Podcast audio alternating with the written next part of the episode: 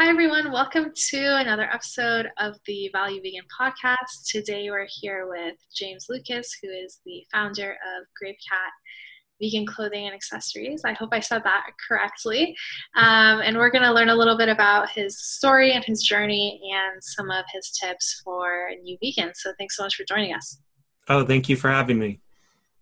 Wonderful. So, start off with just telling us a little bit about you and your journey of going vegan and, and what inspired that? Um, I was working with a vegan and he started telling me about the food I was eating. And I realized that I had a disconnect with my love of animals and the food I was eating.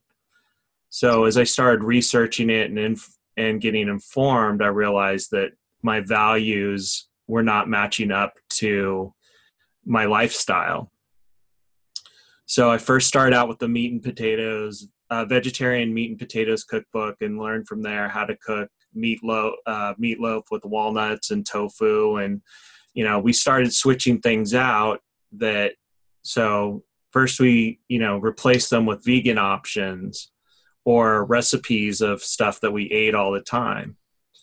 And after eight years of being vegetarian, I started the Bucks County Vegan Supper Club and realized that I still wasn't in line by eating eggs and dairy.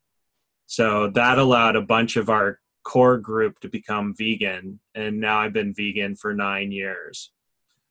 Wow. Um, so after that, we started a blog called From A to Vegan with a group of our friends. And then I realized that in our area there were no clothing or accessory stores to buy vegan options. There was plenty of food but there was nowhere to get a belt or shoes or any of that. So i started great cat and now we're on year six. So um, everything's going great. Business is good and really looking forward to heading out to veg fest this year. Nice Wow, so it all started with a coworker, I think you said, that inspired you to go vegan. Yeah, it's amazing what a, a conversation with someone will spark and change your life.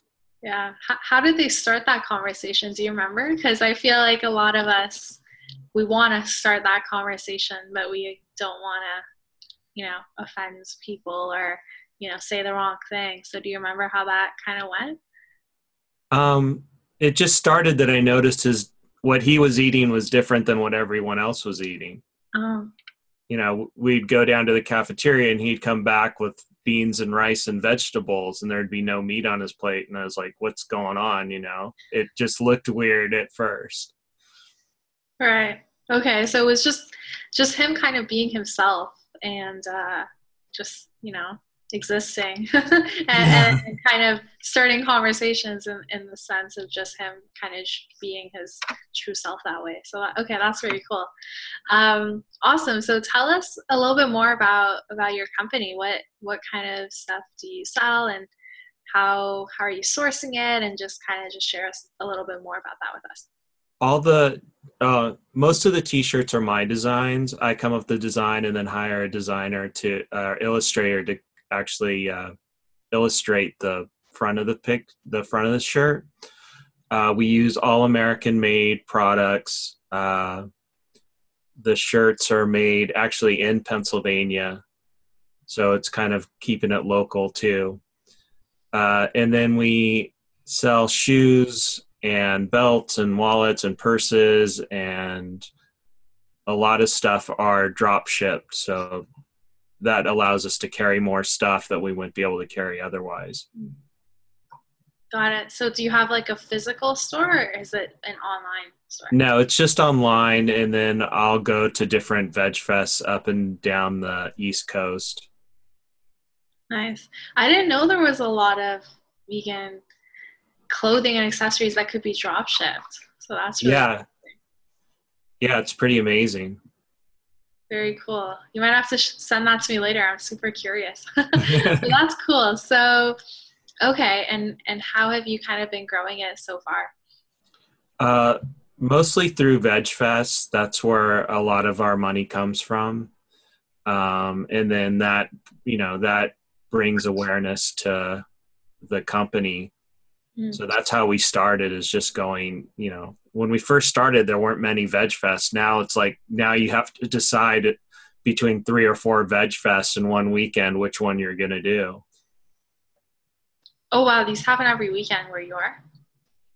Yeah there's a bunch of them where we are. Nice. That's awesome because in toronto i know there's one annually that's like a larger festival but i'm not aware of anything that happens weekly so that's really cool yeah so um, i'll travel from buffalo all the way down to miami oh, okay Nice. Oh, that's very cool. That's a lot of dedication. So good for you. Well, it's it's more motivation to travel and try different vegan restaurants. So it kind of yeah. works in well. Yeah, I love that. And is this what you're doing full time right now? Yes. Okay.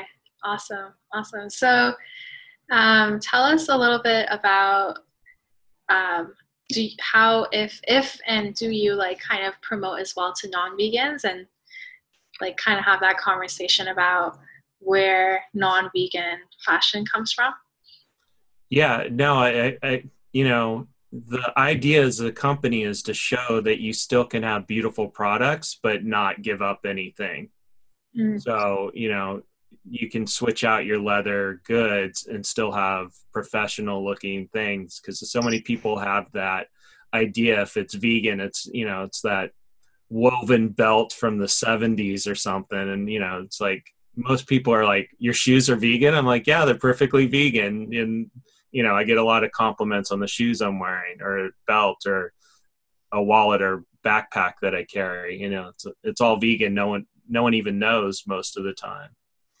Mm. Got it. Got it. So, do you do any kind of like awareness campaigns or anything to shed light on, you know, like what is wrong with leather? Because I know a lot of people that haven't been exposed to this information are kind of like, well, what's what's wrong with leather? Yeah, no, I, I definitely tell people that it's not a byproduct. It actually the meat's a byproduct of the mm. leather industry. So wow, it's that big. I yeah, yeah. So you you know everyone thinks that oh it's just it's just scraps they're selling, but actually it's the main part of the the process. So it's ten percent of the of the profit from a cow is just the leather alone. Wow. That's crazy. So I guess in a lot of ways all these industries feed into each other because the dairy cow will then be used for meat and then be also used for leather too. Yeah, yeah. So that's that's how you get you know the dairy cat, the male dairy cows become veal, and then you get the calf the calf leather. Mm. Got it.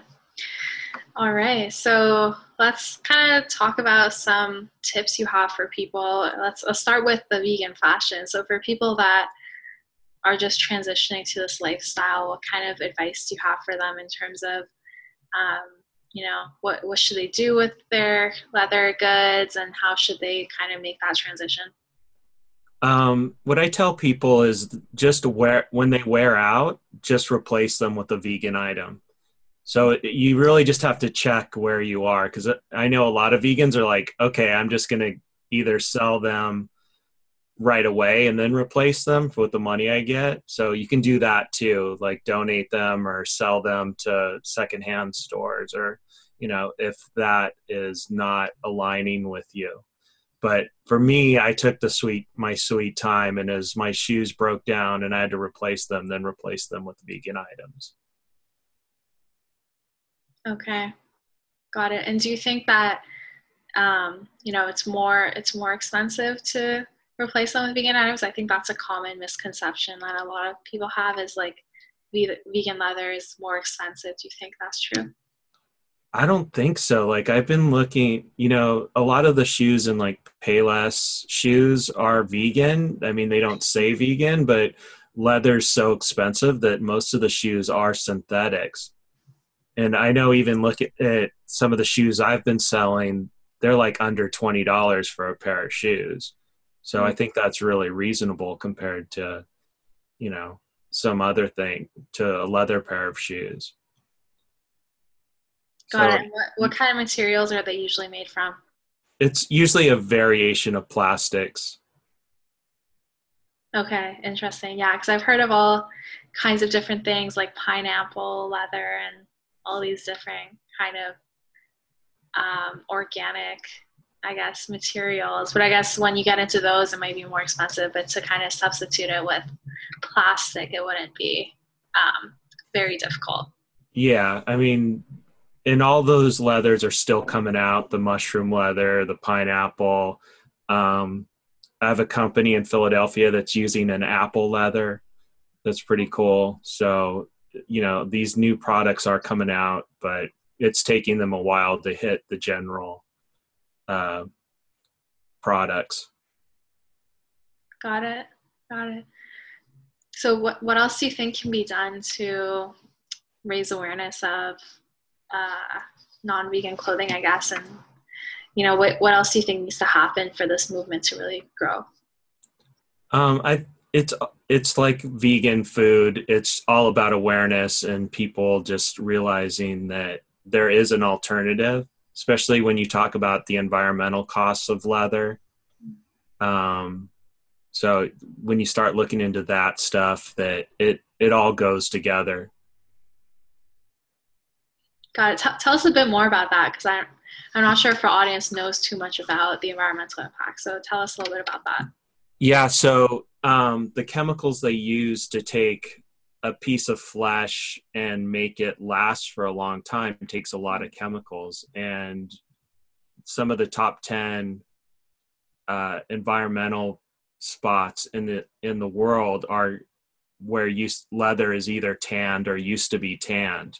So these are now spots that it cause cancer you know um, it's leached into the water it's leached into the land so things aren't growing there so it's it's that's a big environmental cost too.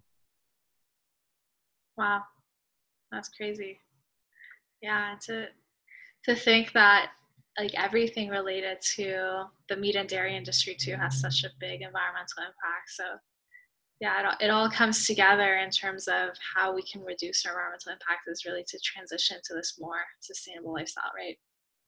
Yeah, Awesome. So let's talk a little bit about new vegans and what do you think, like in your experience of being vegan for nine years and probably seeing a lot of people try veganism and things like that, what do you think are some of the biggest challenges for people um, to go vegan in the first place? Um, it's getting used to looking out for ingredients. You know, you, you have to they hide it everywhere so you have to be more aware. Things you think aren't vegan that are vegan are you know they'll slide in. You know i went to a restaurant and had i saw vegetable soup and then found it was filled with chicken stock. So you just have to be more aware of the products you're buying even if you go to a restaurant um, you know sometimes thing it's it says vegan on it and then you find out it's fried in the same oil as the chicken or other meat products are fried in. So you know you have to be aware of that. Um, and i think just taking it at your own pace some people are really good. They're just like okay now i'm vegan and they're good to go. And some people you know it's like i'll eat lunch vegan or you know i'll eat vegan once a day or twice a day and then they work up and learn mm. and it's not that hard of a transition. So you just have to take it at your own pace was what i would suggest. Okay. Got it. And what what do you think are some reasons that um, some people might go vegan and then give up later on. Do you, do you know of any causes that lead that to happen? Um, definitely not support. That's why having the vegan supper club's been great because you know when we go out to dinner or have game night you you don't have to start from scratch with these dis- discussion with like where do you get your protein? Where you know why don't you eat animals? It's like look i just want to play i just want to have dinner talk about other things besides being vegan. So it definitely having a support group is the way to keep on track. Mm. And is that something that you started yourself? Yeah i started the supper club because i didn't know anyone that was even vegetarian so, and it really, you know, we went from our first dinner with two guests to now we have over, I think we have over 600 members in our supper club now.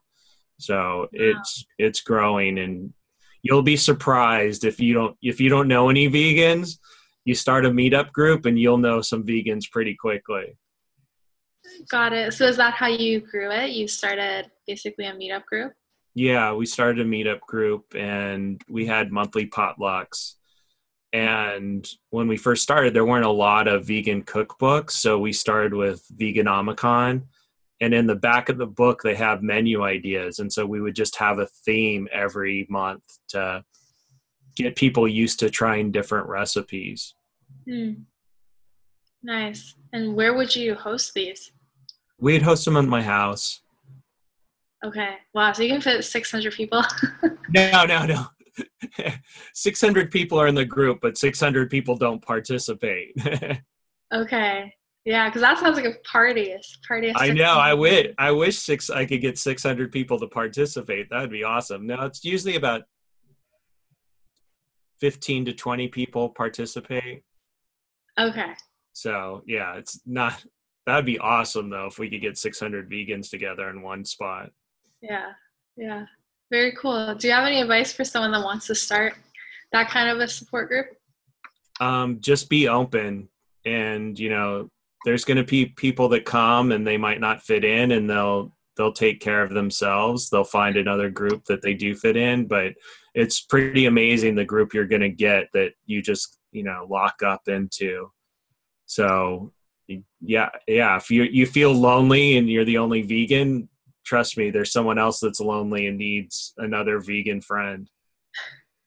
Aw, I love that. Okay, well, what a great way to end off. So, if people want to learn more about you or check out your company, where can they do that? They either can follow us on Instagram at GreatCats or at greatcat.com.